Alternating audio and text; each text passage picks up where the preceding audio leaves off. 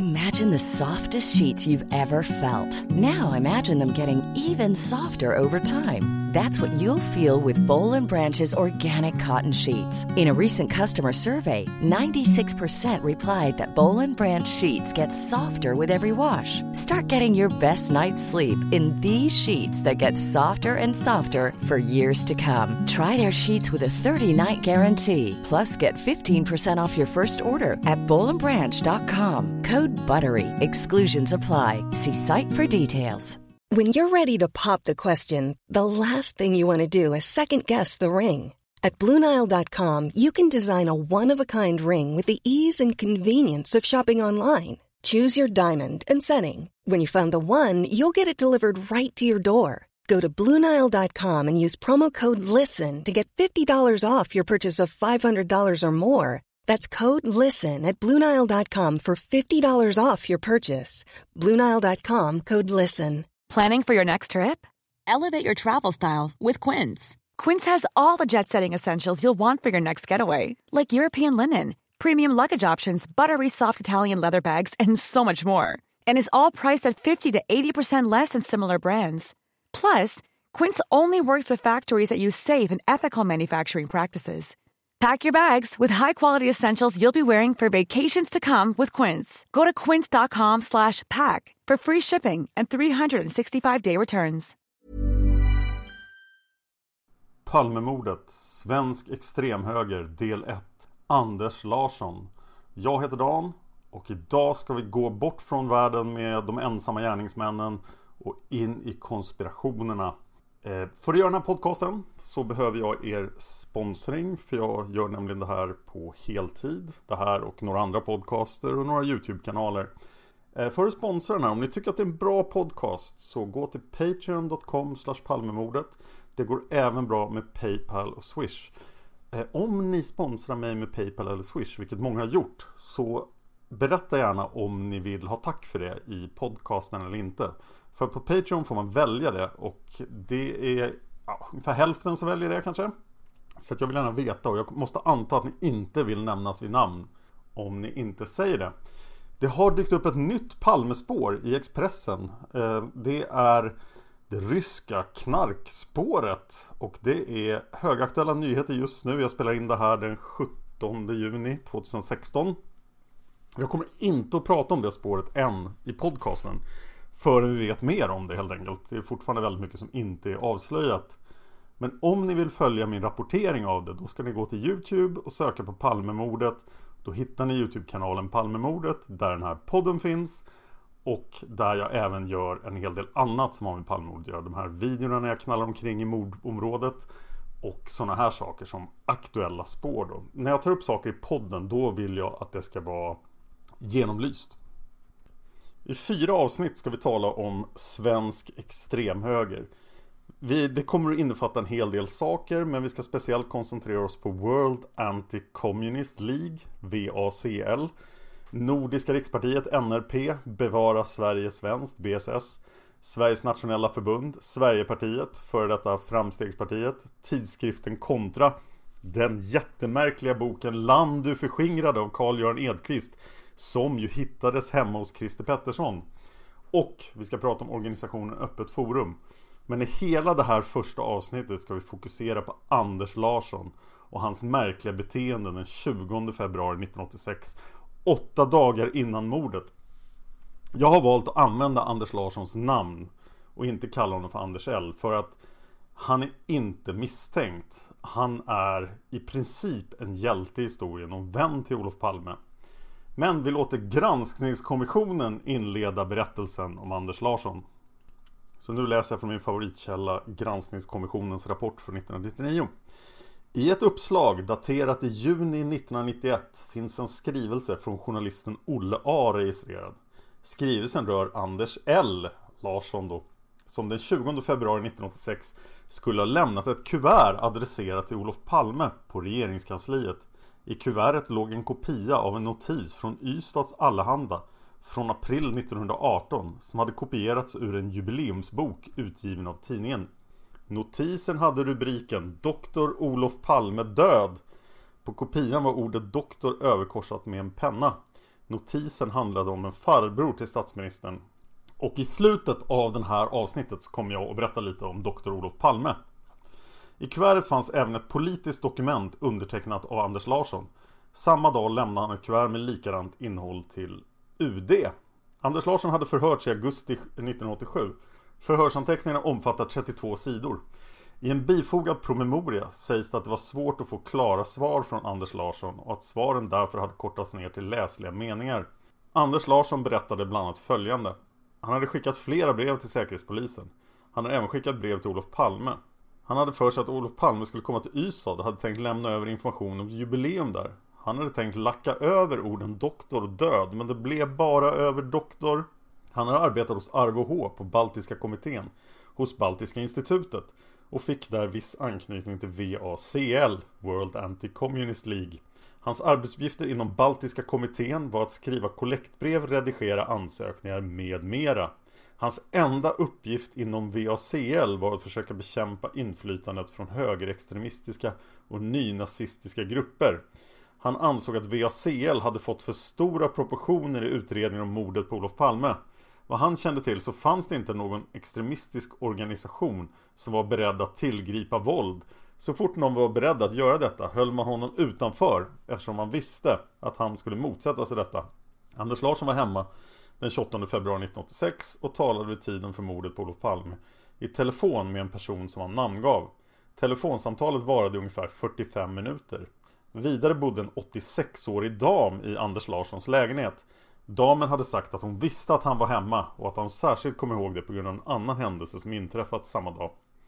I januari 1992 genomfördes en slagning beträffande Anders Larsson varvid antecknades han hade avlidit i november 1991. Så för att förstå det här bättre än vad man gör ur granskningskommissionens korta notis så ska vi titta på Anders Larssons historia. Och för att börja med det så måste vi gå tillbaka till 1967 när en, eh, ett parti som heter Demokratisk Allians bildas i Stockholm 1900, 1967 som sagt som en utbrytning ur Kommittén för ett fritt Asien med Anders Larsson som initiativtagare och sekreterare. Han är då, borde han vara 28 år. Osäkra uppgifter på Wikipedia säger också att eh, några poliser vi kommer återkomma till i polisspåret var medlemmar i Demokratisk Allians som alltså upphörde i mitten av 70-talet. För Demokratisk Allians, där då Anders Larsson var med, var en organisation som aktivt propagerade för USAs krigsföring i Vietnam fram till 1975. De gick alltså rakt emot Olof Palme, som ju var väldigt mycket emot USAs krigsföring i Vietnam. Det hände även en del underliga saker då. Det här kommer också från Wikipedia om man kollar på Demokratisk Allians. Så 1970 var Demokratisk Allians inblandad i en brand på FNL-tryckeriet på Dalagatan i Stockholm. Och 1973 begick en värnpliktig Fenrik som även var engagerad i Demokratisk Allians en stöld av sprängämnen på P10 i Strängnäs. Utredningen skrev att det finns, finns ett visst samband mellan officeren som stal sprängämnen och Demokratisk Allians. Utredningen konstaterar även att Demokratisk Allians huvudsakliga inkomster kom från försäljning av tidningar och märken och genom gåvor och tidvis kommunala bidrag. Eh, organisationen sökte också pengar från näringslivet vilket gick trögt på grund av rykten om högerextremism. 1974 hände en underlig sak också. Nordiska rikspartiet, NRP, deras lokaler vandaliserades. Och NRPs partiledning ansåg att Demokratisk Allians låg bakom attentatet, det vill säga en annan högerextremistisk En högerextremistisk organisation vandaliserade en annan. Demokratisk Allians hävdade förstås att de var oskyldiga. Och en rökbomb kastades senare in i Demokratisk Allians lokaler i Stockholm samma år. Utförare var medlemmar av NRPs riksaktionsgrupper RAG och de ska vi återkomma till förmodligen i avsnitt 3. Efter att Demokratiska Allians hade upphört i mitten på 70-talet så kommer Anders Larsson att engagera sig i VACL World Anti-Communist League då, som nästa avsnitt kommer att handla om. Och där åker han 1978 med en jätteläskig kille som kommer att dyka upp som ett spöke i alla konspirationsavsnitt vi kommer att göra nästan. Och vi kan kalla honom för Farbror Åke. Så Anders Larsson och Farbror Åke åker till VACLs kongress 1978 och under åren som går då så engagerar sig Anders Larsson. Han är i högerextrema kretsar. Och han finns där lite, lite överallt. Han är alltså 47 när Palmemordet inträffar. Men året innan då så jobbar Anders Larsson på Wallingatan 34. Och Wallingatan 34 är en väldigt intressant adress. Eftersom det ligger väldigt, väldigt nära biografen Grand. Och nu kommer jag läsa direkt ur Inuti labyrinten. En bok som alla intresserade av Palmemordet borde läsa. Eh, och där kan man se på sid 517 att i mitten på 80-talet arbetade Anders Larsson vid Baltiska kommitténs kansli i Estniska huset på Wallingatan i centrala Stockholm. Baltiska kommittén var en högerextrem organisation med nära band till World Anti-Communist League. Dess grundare är den estniskt födde Arvo H som på 70-talet fungerat som revisor för Demokratisk Allians. Så kom ihåg Arvo H för han kommer att komma tillbaka. I april 1985 sökte Arvo H medlemskap för Baltiska kommittén i World Anti-Communist League. Han gör anspråk på att representera alla ester i exil.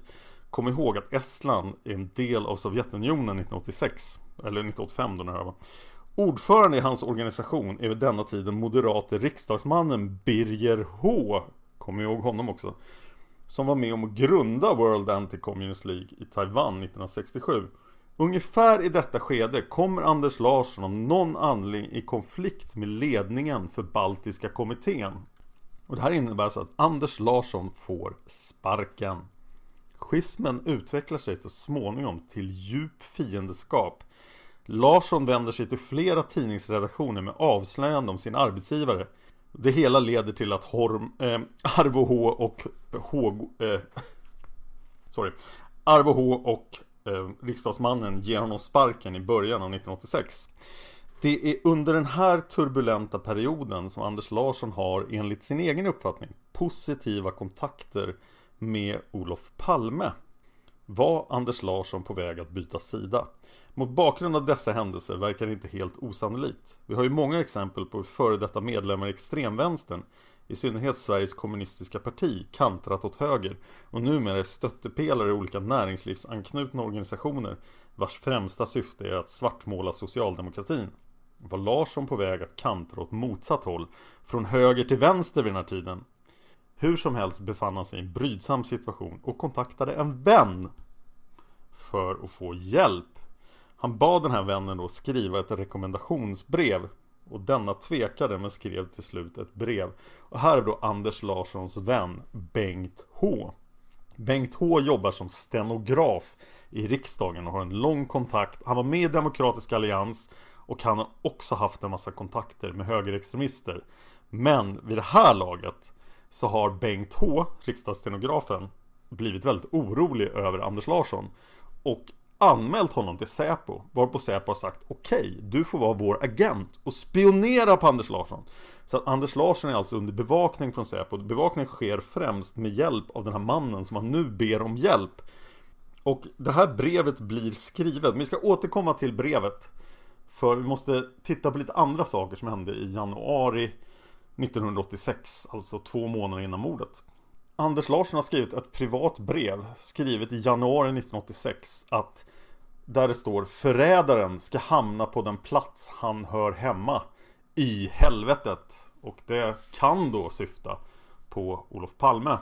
Och enligt en uppgiftslämnare som sa sig ha deltagit i planeringen av mordet och som sen vänt sig till journalisten Olle A. Kom ihåg Olle A också för han har skrivit en hel del om Palmemordet i Dagens Nyheter. It's that time of the year. Your vacation is coming up. You can already hear the beach waves, feel the warm breeze, relax and think about work. You really, really want it all to work out while you're away. Monday.com gives you and the team that peace of mind. When all work is on one platform and everyone's in sync, things just flow wherever you are. Tap the banner to go to Monday.com. Many of us have those stubborn pounds that seem impossible to lose, no matter how good we eat or how hard we work out. My solution is plush PlushCare PlushCare is a leading telehealth provider with doctors who are there for you day and night to partner with you in your weight loss journey. They can prescribe FDA-approved weight loss medications like Wagovi and Zepbound for those who qualify. Plus, they accept most insurance plans. To get started, visit plushcare.com slash weight loss. That's plushcare.com slash weight loss. Here's a cool fact a crocodile can't stick out its tongue. Another cool fact you can get short term health insurance for a month or just under a year in some states. United Healthcare short term insurance plans are designed for people who are between jobs, coming off their parents' plan, or turning a side hustle into a full time gig. Underwritten by Golden Rule Insurance Company, they offer flexible, budget friendly coverage with access to a nationwide network of doctors and hospitals. Get more cool facts about United Healthcare short term plans at uh1.com. Eh, och den här uppgiftslämnaren säger då att den person som fått i uppdrag att utföra gärningen träffat Anders Larsson på hotell Sheraton i Stockholm 1986. Den utpekade personen, vilket dock enligt uppgifterna ej blev den som slutligen utförde mordet, var en före detta främlingslegionär. Och den här killen kommer att återkomma i polisspåret. Skulle vidare enligt polisen också nämnt ett avlyssnat telefonsamtal mellan en okänd person och Anders Larsson. Där en av dem säger Vi har ordnat allt för honom. Eh, vi ska också nämna om det här Baltiska huset att eh, i samma lokaler, i samma uppgång, Wallingatan 34, ligger International Police Association. Det är alltså internationell förening för poliser och där kan poliser som kommer från utlandet övernatta. Och International Police Association var speciell för att där tillät Sydafrika vara medlemmar. Sydafrika tilläts väldigt sällan vara medlemmar i sådana internationella eh, föreningar. Och flera polismän som vi kommer att prata om i polisspåret då ska ha haft ärenden och kontakter på Wallingatan 34. Det ska även ha skett en polisrazzia på Wallingatan 34. Och man kan ju fundera då på, och det ska vi göra i nästa avsnitt, om de här exilbalterna. Balter som inte tyckte om att Sovjet ägde Baltikum om de i sin tur tyckte illa om Olof Palme. För Olof Palme var ju på väg att åka till Moskva kort efter Palmemordet och där skulle ju relationerna mellan Olof Palme och Gorbatjov förbättras och det skulle vara dåligt för balterna. Okej, vi är nu framme den 10 februari 1986 och då har då Bengt H, riksdagsstenografen, skrivit sitt brev, ett rekommendationsbrev och vi har texten på det brevet. Där står det jättekonstigt. Det står Vi har ju känt varandra i åtskilliga år och för övrigt träffats nästan varje vecka, även under den senaste tiden. Jag har alltid satt värde på din balanserade och nyanserade uppfattning i politiska och andra frågor. Varför jag ofta vänt mig till just dig för att få klarhet. Jag är säker på att rättvisa och sanning till sist segrar. Det brukar trots allt bli så. Brevet var undertecknad av Bengt H då, riksdagsstenografen och Anders Larsson bättrade på det genom att själv kopiera in riksdagens emblem i ena hörnet. Men det här brevet kom ut och ledde till problem. Eh, och jag ska inte gå in på hela den historien men Kom ihåg att Bengt H var agent för Säpo för att spana på Anders Larsson. Men som riksdagsstenograf så satt han med på väldigt hemliga förhandlingar i riksdagen. Bland med kungen och med utrikesministern. Och stenograferade. Och det var inte meningen att Säpo skulle ha en man på, de här, på den här platsen. Så att utrikesminister Sten eh, Andersson kommer att tycka att det var fantastiskt dåligt och hela den här affären kommer att leda fram till en jättegranskning av Säpo senare. Men jag ska inte gå in på de sakerna. Jag var frestad att göra det men då kommer avsnittet bli väldigt långt. Men kom ihåg att riksdagsstenografens arbete för Säpo leder då till den här härvan. Och konflikten mellan Säpo och Socialdemokraternas ledning. Den 16 februari 1986 vid en minnesgudstjänst för Alva Myrdal var Anders Larsson på plats. Eh, han var tillsammans med en 43-årig vårdare från Kronobergshäktet som var organiserad medlem i Bevara Sverige Svenskt, BSS, som vi ska återkomma till. Det här stod i Aftonbladet den 29 maj 1987. Mannen från Kronobergshäktet bör ha varit en Lars H som vi får anledning att återkomma till. Och här ska Anders Larsson ha reflekterat över att Palme var där förstås och att Palme var helt oskyddad. Och det här kan då direkt ha lett till att Anders Larsson lämnar in den här bunten med papper i två exemplar till regeringskansliet och till utrikesdepartementet. Och där är alltså ett tidningsurklipp från den här jubileumsboken eh, om Ystads Allehanda där det står Doktor Olof Palme död. Ordet doktor är överkryssat. Det lustiga då att när Anders Larsson lämnar in de här papperna till utrikesdepartementet och till regeringskansliet så är han övervakad av två säkerhetstjänster. Han är övervakad av Säpo som redan är honom på spåren, eller hur? Säpo har koll på honom via Bengt H men även då via direkt spaning. Och, men den andra organisationen som bevakar Anders Larsson är SSI.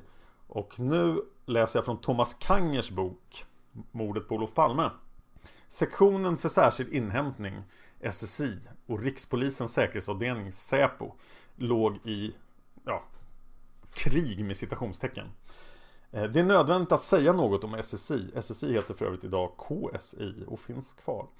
SSI är en militär underrättelsetjänst som ingår i Försvarsstabens operationssektion 5 vid sidan av bland annat Försvarsstabens säkerhetstjänst. SSI har enbart hemliga anställda. Ingen av dem finns i försvarets rullor och dess uppgift är att samla in information om utlandet av militärt intresse för Sverige. SSI bildades efter att dess föregångare IB avslöjats av tidskriften Folket i Bild Kulturfront 1973. Avslöjandet gällde i första hand inte underrättelseverksamheten utomlands utan att IB också samlade in uppgifter om svenskar, alltså om IBs inrikesspionage. Och det här rörde sig ju om åsiktsregistrering, att de spanade på kommunister. Men det är en helt annan historia som vi inte ska gå in på djupet här. Inte idag i alla fall. Efter avslöjandet tillsattes en särskild underrättelsenämnd som skulle utöva parlamentarisk kontroll över verksamheten. Syftet med kontrollen var att inrikesspionaget inte skulle återupptas. Men några av de gamla IB-agenterna fanns kvar inom SSI och misstänksamheten mot Säpos förmåga att sköta kontrollen av invånarna i Sverige var stor. En rivalitet mellan de bägge organisationerna finns som orsakar sammandrabbningar. En av krigsfronterna i citationstecken mellan SSI och Säpo går farligt nära mordplatsen och berör både Säpo-män och ett antal högerextremister i Sverige. Så när Anders, Anders Larsson besöker regeringskansliet så är han dubbelt iakttagen.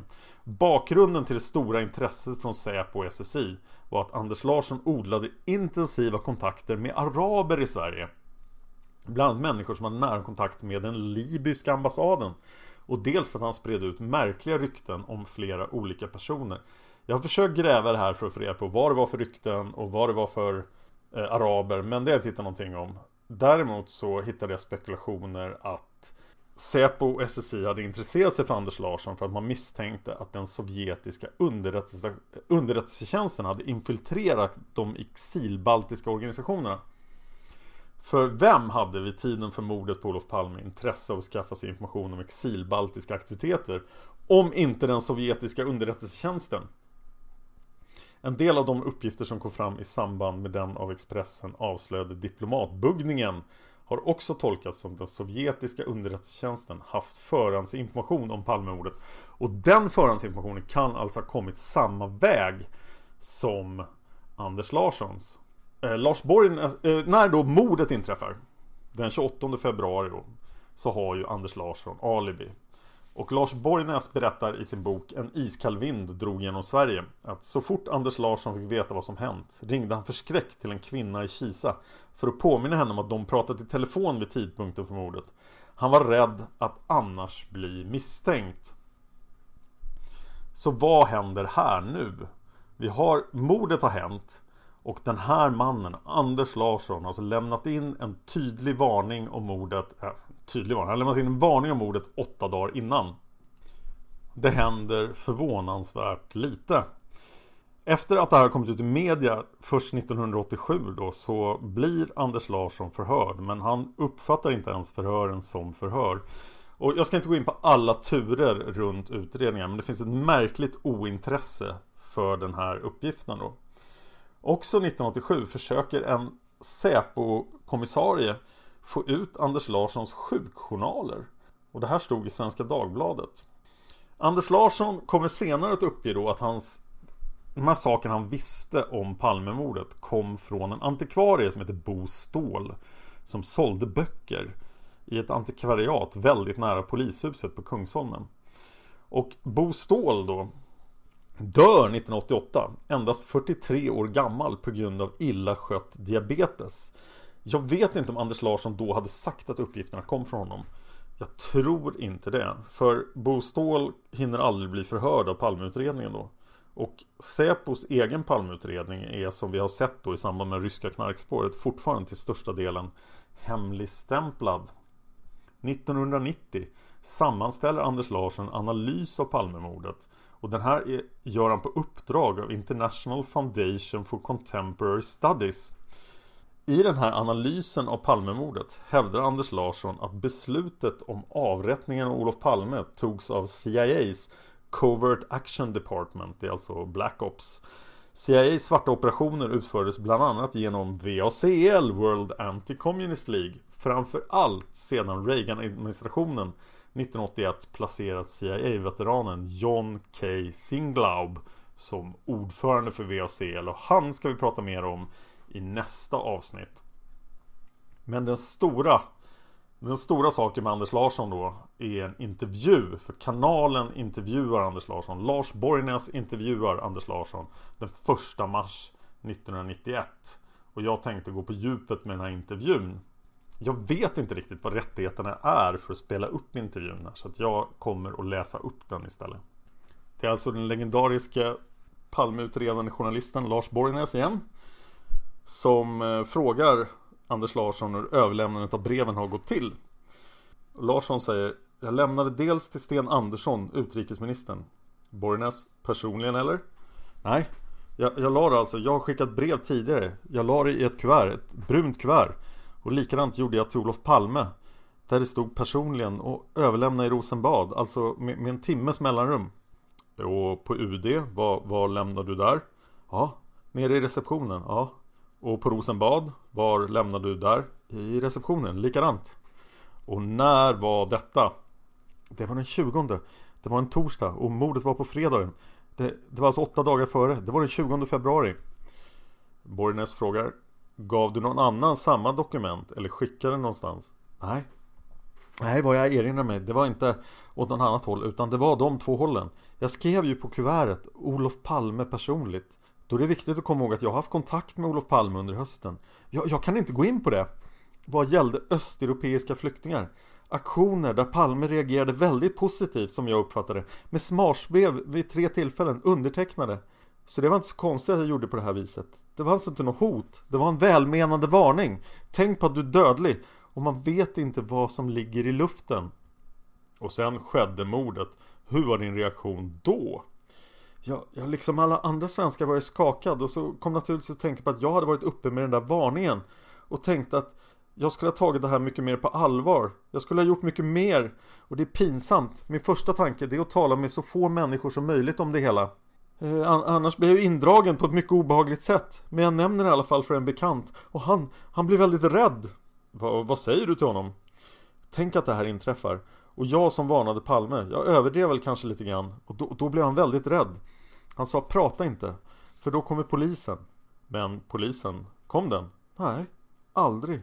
Jag har aldrig någonsin haft någon kontakt med polisen mer än att man kontaktade mig. Vi träffades två stycken från Rikskriminalen i september 87 och satt och pratade i största allmänhet om min personliga bakgrund. Och det var inte ens förhör, det var bara samtal. Och sen frågade man om jag ville träffa en kommissarie på Säpo veckan efter. Det hade jag ingenting emot eftersom jag aldrig varit på Säpo. Jag skulle se hur det fungerade. Satt och berättade om mig själv i största allmänhet. Det var heller inget förhör. Det var prat i största allmänhet om allting. Talade man om de här pappren då? Nej, nej det gjorde man inte. Men de har aldrig från polisens sida Jag kan säga att jag skrev ett PM om mig själv Och där nämnde jag det här men bara i förbigående Jag ville ju inte vid den tidpunkten 87 berätta jag, jag har ju mina bestämda uppfattningar om Palmemordet och dess, jag ville inte vid den här tidpunkten avslöja vad jag ansåg. För då tänkte jag att då kunde jag själv råka illa ut. Inte från polisens sida, men, men från dem som jag anser vara anstiftare till mordet. Och den här intervjun finns på Youtube. Om ni söker på kanalen och Anders Larsson tror jag ni hittar den. Eh, annars kan jag försöka lägga upp en länk till den. Be mig i kommentarerna på Youtube så ska jag göra det. Anders Larsson hävdar alltså, nu läser jag från inuti labyrinten igen. Att han under hösten 1985 hade flera enligt egen uppfattning positiva kontakter med Olof Palme. Och att brevet han lämnade inte var något hotbrev utan en välmenande varning om att statsministern kunde bli utsatt för attentat. Eh, 1987 var Anders Larsson inte beredd att ens för polisen avslöja bakgrunden till varningsbreven. Märkligt nog var polisen inte heller intresserad av att få veta. Enligt Anders Larsson handlade fören bara om ditt och datt. Breven tog endast upp i förbigående. Att Larsson talar sanning om att han inte hördes förrän efter ståhejet i pressen 1987 bekräftas av Solveig Riberdal, före detta Palmeåklagare, i Norra Magasinet special i TV2 den 27 februari 1992. Det här finns också på Youtube om ni letar, dock inte på kanalen Palmemordet. För där lägger jag bara upp saker som jag vet att jag får lägga upp. Eh, jag skulle jättegärna lägga upp gamla dokumentärer och så men jag tror inte man får göra det. Hennes minnesbild skiljer sig en aning från Larsson. Hon trodde att det var i augusti 1987 förhören skedde, inte i september. Eh, är inte detta ytterst konstigt? Här har vi en känd högerextremist som bara åtta dagar före mordet lämnar två varningsbrev om dödshot mot statsministern. Av breven framgår klart och tydligt vem avsändaren är. Men efter mordet visar polisen inte det ringaste intresset för att höra Anders Larsson. Var det inte intressant att veta varför han varnade Palme? Eller var det så att man visste redan? Kom ihåg, jag läser från inuti labyrinten nu. I varje fall är detta precis vad Lars Larsson själv hävdar. Han påstår nämligen i kanalen-intervjun att man inom Säpo kände till de attentatsplaner som låg bakom hans varningsbrev. Det ska till och med ha varit så att den informationen hade ytterst emanerade från Säpo. Larsson berättar att han via en mellanhand, Bo Ragnar Ståhl, har fått veta att en attentat mot Olof Palme hängde i luften. Ståhl i sin tur hade på omvägar fått denna information från Säpo.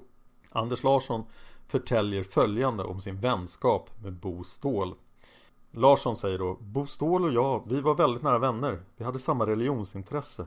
Jag är särskilt islamintresserad och religionsvetare, islamolog i viss utsträckning. Och vi talar ofta politik, tredje världen-politik. Jag berättade för Bo Ståhl om min positiva inställning till Olof Palmes utrikespolitik och tredje världen-politik. Fast jag inte gillade sossarnas inrikespolitik.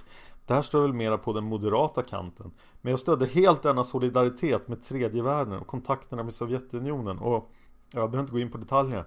Så det var naturligt att vi kom att tala om Olof Palme.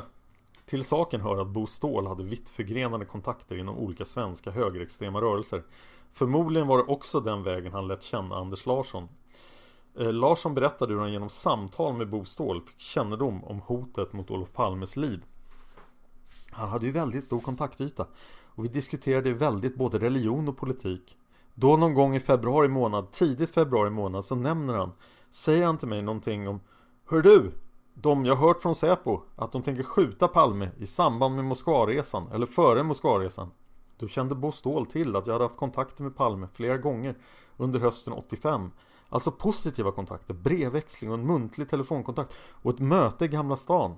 Jag uppfattade det som att han ville att jag skulle varna på något sätt eller informera. Jag hörde till de som ansåg att Palme var utsatt för ett verkligt hot. Ett internationellt hot från vissa kretsar. Som ville eliminera Palme på grund av hans engagemang i tredje världen.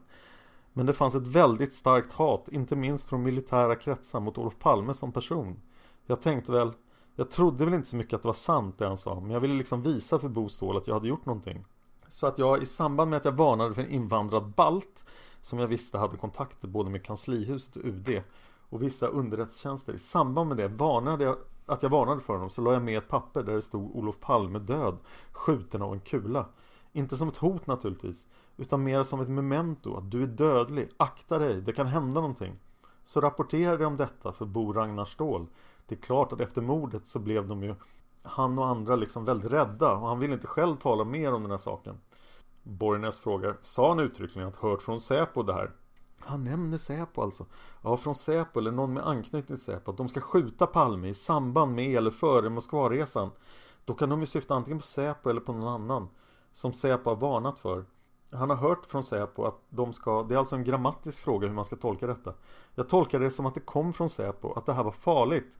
Har man sån här kunskap måste man göra vad man, vad man rimligen Så tänkte jag att Palme måste ha dubbla livvakter men jag har gjort mitt inför Bo Ståhl och mitt eget samvete Lars Borgnäs frågar Det här samtalet med Bo Ståhl när han säger det här När lägger du det i tiden ungefär?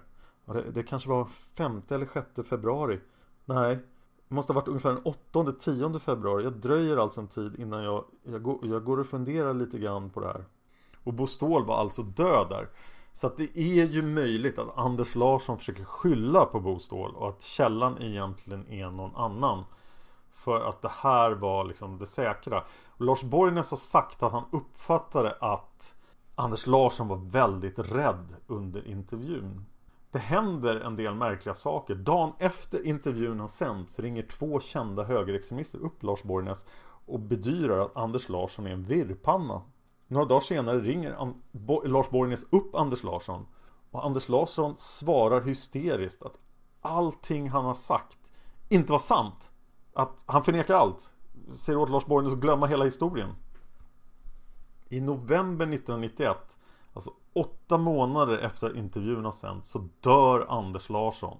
Endast 52 år gammal dör han av ett blödande magsår.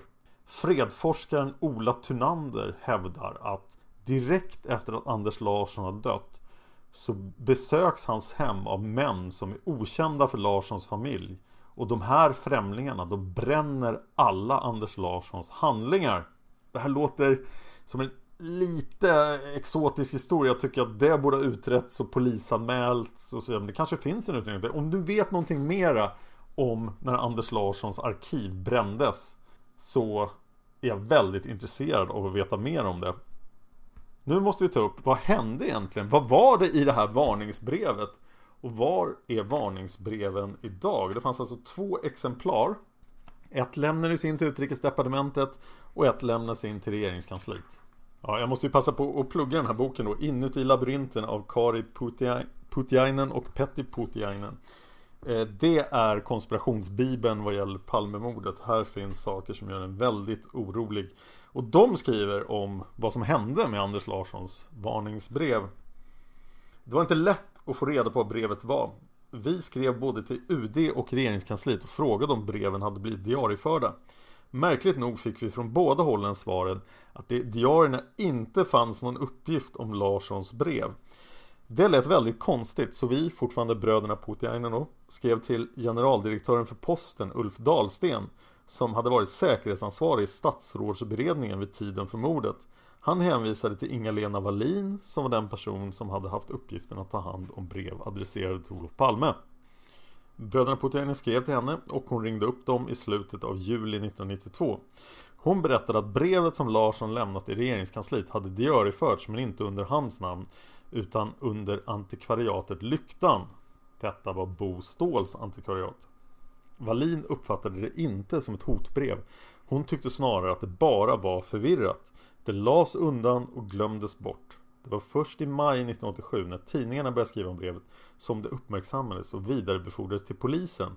Så brevet som lämnades i Rosenbad hade inte gått direkt vidare till polisen. Hur var det då med det andra brevet som Larsson lämnade till Utrikesdepartementet? Departementssekreterare Sven Johansson gjorde för vår räkning, alltså för bröderna Putiainens räkning, en noggrann genomgång av UDs diarier men kunde inte finna någonting, varken under namnet Anders Larsson eller under antikvariat Lyktan. Vi kanske ska nämna, det är viktigt att säga att Anders Larsson hade skrivit under de här breven. Det var alltså inga hemligt inlämnade brev. Eh, ej heller har andra spår påträffats efter ett dokument med åsyftat tidningsklipp som väl tog avse Olof Palmes på sin tid välkänd släkting. Olof Palme stupade i Finlands frihetskrig 1918, skrev departementssekreteraren. Vad kan vara förklaringen till detta? Jo, förmodligen har brevet överlämnats till polisen utan att först diarieföras. Inga-Lena Wallin uppgav nämligen att så gjorde man på regeringskansliet. Skrivelser som direkt vidarebefordrades till polisen diariefördes inte. Man kan mycket väl ha gjort på samma sätt inom UD. Att det idag inte finns några spår efter brevet kan alltså vara tecken på att det omedelbart överlämnas till polisen. Sven Johansson skrev till oss att Brev med allsköns hot och varningar som bedöms åtminstone ha någon seriös innebörd överlämnar departementet rutinmässigt till Rikspolisstyrelsen, det vill säga till Säpo. Eh, bröderna Putiainen hade redan innan de skrev till UD skrivit två gånger till Säpo om det här. När svar på första brevet dröjde ringde de upp för att höra om det blivit diariefört och fick beskedet att Anders Larssons varningsbrev var försvunnet. Bröderna Putiainen skrev ett nytt brev och vid kontroll visade sig att det andra brevet kommit fram och att det försvunna brevet som väntat också hade dykt upp. Det sades att någon haft det första brevet för påseende och att det därför varit borta. Bröderna Putiainen skriver att vår erfarenhet är att skrivelser med besvärande frågor har en tendens att vilja försvinna hos Säkerpolisen om man inte noga följer upp dem. Det svar bröderna Putiainen så småningom fick var undertecknat av byråchefen Bjarne Turner och beskedet var att Anders Larssons två varningsbrev ej förvarades hos Säkerhetspolisen. Så vad menades med ej förvarades? Hade Säpo aldrig haft breven? För att få klarhet ringde bröderna Putiainen Turner igen han var alltså byråchefen den 18 juni 1992. Denna förklarar att breven aldrig diarieförts hos Säpo och därmed heller aldrig, åtminstone formellt sett, innehafts av Säkerhetspolisen. Han uteslöt dock inte att SÄK kunde ha sett breven i sitt samarbete med polisen på den öppna sidan i Palmeutredningen. Han berättade att normalt sett vidarebefordras hotbrev som kom till Rosenbad och UD till Stockholmspolisens våldsrotel, inte till Säpo så Säkerhetspolisen har alltså aldrig haft Larssons brev trots att det enligt departementssekreterare Sven Johansson hade lämnats dit. Hur var det då med våldsroten? Hade breven funnits där? Bröderna Putiainen skrev dit 1 juli 92 och frågade och fick svaret Med anledning av er skrivelse får jag enligt uppdrag meddela att något brev från Anders Larsson aldrig inkommit eller diarieförts i palmutredningen. Svaret var undertecknat av kriminalinspektör Helge Persson var medan han? Hade Larssons brev aldrig diarieförts i Palmeutredningen? Det verkade ytterst konstigt så att bröderna Putiainen skrev till Hans Ölvebro, dåvarande spaningsledare. Jo då, breven fanns hos Palmeutredarna. Bröderna Putiainen fick beskedet att breven är registrerade i förundersökningsregistret som är ett sek sekretessbelagt register. Ölvebro antydde alltså att bröderna Putiainen inte kunde räkna med att få ut breven. Men registreringsdatum och diarienummer kunde väl ändå lämnas ut. Bröderna Putiainen skrev till kriminalkommissarie Åke Röst som kontrasignerat Ölvebos brev och fick veta att tidningsartikeln du syftar på registrerades den 15 augusti 1987 under avsnitt D4582. För att försäkra om att inga missförstånd uppstått ringde bröderna Putiainen upp Åke Röst som alltså inte är farbror Åke som jag nämnde tidigare han bekräftade att breven registreras först den 15 augusti 1987 och uppgav att det inte framgick om de registreras på Säpo, Rikskriminalen eller våldsroten. Han trodde dock att det var på våldsroten. Så formellt hade Palmeutredningen inte kännedom om Larssons varningsbrev förrän i augusti 1987. Here's a cool fact. A crocodile can't stick out its tongue. Another cool fact. You can get short term health insurance for a month or just under a year in some states. United Healthcare short term insurance plans are designed for people who are between jobs, coming off their parents' plan, or turning a side hustle into a full time gig. Underwritten by Golden Rule Insurance Company, they offer flexible, budget friendly coverage with access to a nationwide network of doctors and hospitals. Get more cool facts about United Healthcare short term plans at uh1.com. Planning for your next trip?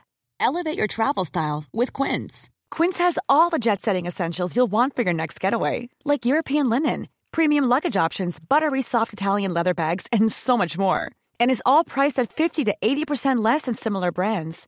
Plus, Quince only works with factories that use safe and ethical manufacturing practices. Pack your bags with high-quality essentials you'll be wearing for vacations to come with Quince. Go to quince.com/pack for free shipping and 365-day returns. Hey, it's Paige DeSorbo from Giggly Squad. High quality fashion without the price tag. Say hello to Quince. I'm snagging high-end essentials like cozy cashmere sweaters, sleek leather jackets, fine jewelry, and so much more. With Quince being 50 to 80% less than similar brands. And they partner with factories that prioritize safe, ethical, and responsible manufacturing. I love that. Luxury quality within reach. Go to quince.com slash style to get free shipping and 365 day returns on your next order. Quince.com slash style. Och som jag förstår det så är det där Anders Larssons varningsbrev är än idag. De är alltså sekretessbelagda och vi får inte veta vad det stod i dem i övrigt. Och Anders Larsson är död sedan länge då och vi kan inte komma vidare i att veta vad han visste. Än. Jag har några lösa rykten om Anders Larsson också. Och jag har försökt leta källor på dem men jag har inte hittat några men jag tänkte jag skulle nämna dem här i alla fall. Anders Larsson var ett av namnen i 33-åringen Viktor Gs adressbok. Det fanns väldigt många namn i den adressboken så det är väl inte omöjligt. Och det andra ryktet är att Anders Larsson kände Ivan von B. Ivan är den andra personen som har lämnat in en dokumenterad pålitlig varning om att Palmemordet kommer att inträffa. Och den första personen är alltså Anders Larsson. Vi kommer att komma tillbaka till Ivan von B i CIA-spåret. Innan jag går in på formalia i slutet av avsnittet tänkte jag att jag skulle nämna ett inlägg från Sven Aner på sin blogg 2012. Sven Aner är ju en privatspanare som har drivit polisspåret väldigt hårt. Och han är expert på att skicka Få ut papper från myndigheter. Och 2012 skrev han till Rikskriminalpolisen, Palmeenheten. Det här är, får alltså stå för Sven Aner och inte för mig. Så det här, jag läser i jag-form för Sven Aner. Jag vill ställa en fråga där jag har bristfälliga kunskaper men en mycket klar önskan om klarhet. Vad Anti-A, det här är alltså riksdagsmannen, den moderate riksdagsmannen som Sven Anér pekar ut eh, väldigt ofta som möjlig Palmemördare. Var Anti-A inte bara en allmänt våldsbenägen baseball-piketpolis? Eller hade han direkt personliga kontakter med kretsar, organisationer som hyste väl utvecklade planer på att mörda Olof Palme? Jag syftar bland annat på informationen som kom från en man ute på högerkanten Anders Larsson. Jag citerar ur Palmenytt 99613 Ett striptease-program i SVT med Thomas Bresky och Lars Borgnäs. Tio dagar före mordet lämnade en i högerextrema kretsar känd man Anders Larsson in en varning till UD och till Rosenbad om att Palmes liv var i fara.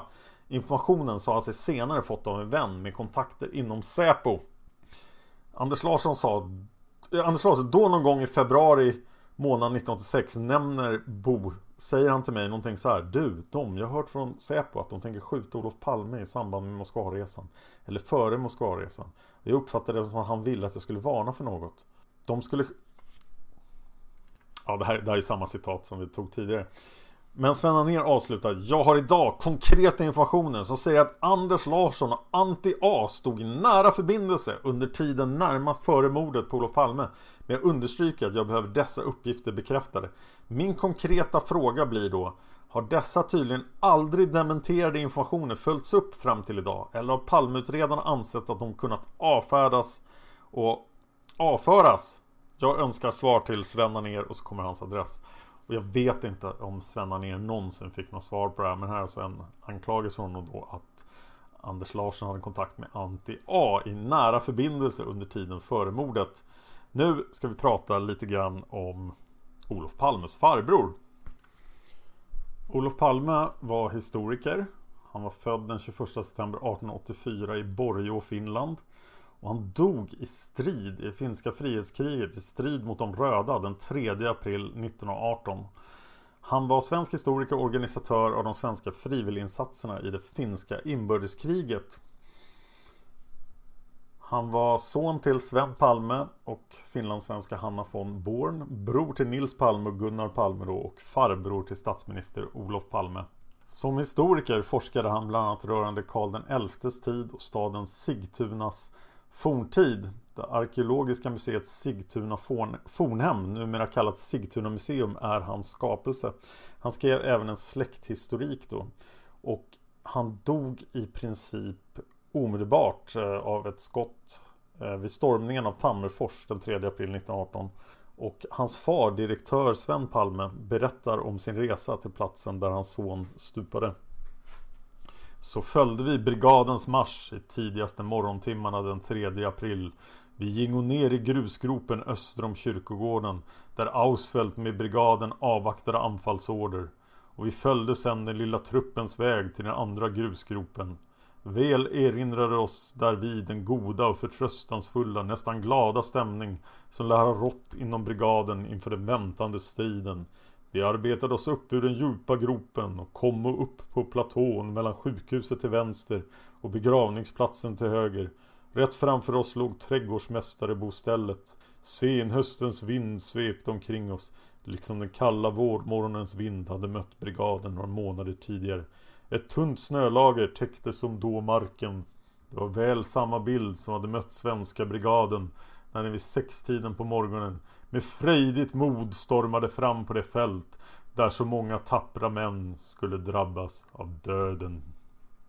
Ja, när jag nu har gjort det här första avsnittet i Svensk Extremhöger och kommit in då på konspirationer och då går det trådar åt alla möjliga håll. Så det är ganska svårt att hålla isär. Det är ganska svårt att hitta allting komplett. Det kommer ju återkomma saker från Sydafrika, polisspåret, CIA och så vidare. Som ni har hört om idag. Men jag vet att jag kommer att göra fel. Och jag kommer att få reda på kompletteringar.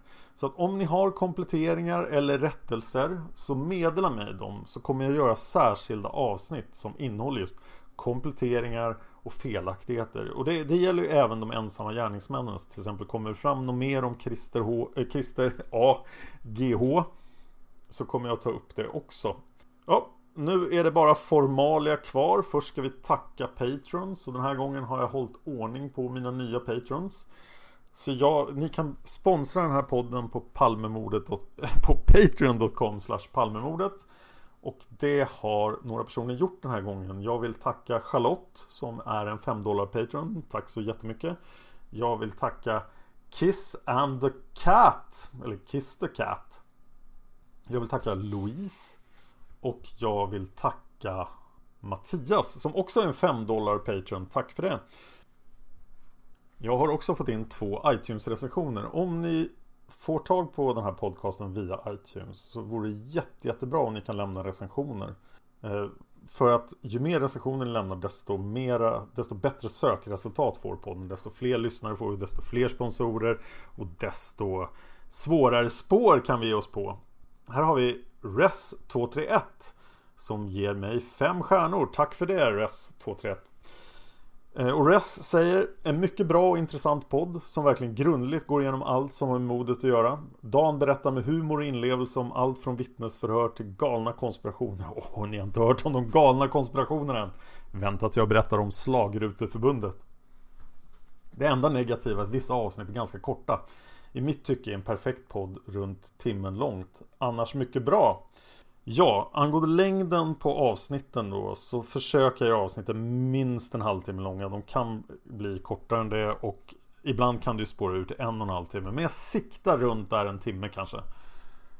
Ehm, nästa recension kommer från Nicole Björn som ger mig fyra stjärnor med rubriken Jobbiga pauser. Intressant och spännande podd. Blir däremot lite störningsmoment när han pausar för att läsa. Vore fint om man kunde läsa igenom förhör och så vidare och spela in när han har mer kött på benen. Att höra hur han klickar på musen och det blir tystnader på några sekunder är lite amatörigt. Har visserligen bara lyssnat till avsnitt 5 än och det blir kanske lite bättre senare. Jag tar det här till mig och jag kommer idag att köra den här podden genom ett program som ska ta bort sånt. Eh, så ni får gärna berätta hur, vad ni tyckte, hur ni tyckte det blev. Jag har gjort en massa andra åtgärder för att förbättra ljudet och sådär i just det här avsnittet. Så att jag vill gärna veta om ni har någon skillnad. Och om ni har tips för exakt hur jag ska göra det. Och det som händer när jag pausar och klickar på musen är oftast att jag tar en paus för att dricka. Eller någonting som liksom ska rädda rösten för att det är jobbigt att prata så här lång tid. Alternativt att jag byter källa. Så att till exempel ta fram en bok eller något sånt. Så det är det, det är inte det att jag försöker komma ihåg saker eller något sånt där. Utan jag har skrivit ett manus innan på de flesta avsnitt. Det inte är någonting väldigt lätt. Ja, nu ska jag inte dra ut det här mer än nödvändigt. Jag finns på Facebook som Facebook.com Falmemordet. Där diskuterar vi också vad som blir nästa spår. Så där kommer informationen. Eftersom jag gör de här avsnitten i förväg. Och jag tror att det kommer bli fyra avsnitt om svensk extremhöger idag. Jag reserverar mig för att kunna ändra det. Nästa avsnitt kommer att handla om World Anti-Communist League. Och jag finns på Twitter som Dan Horning. för Twitter gillar inte ö. Tack för att ni lyssnar. Vi hörs nästa vecka.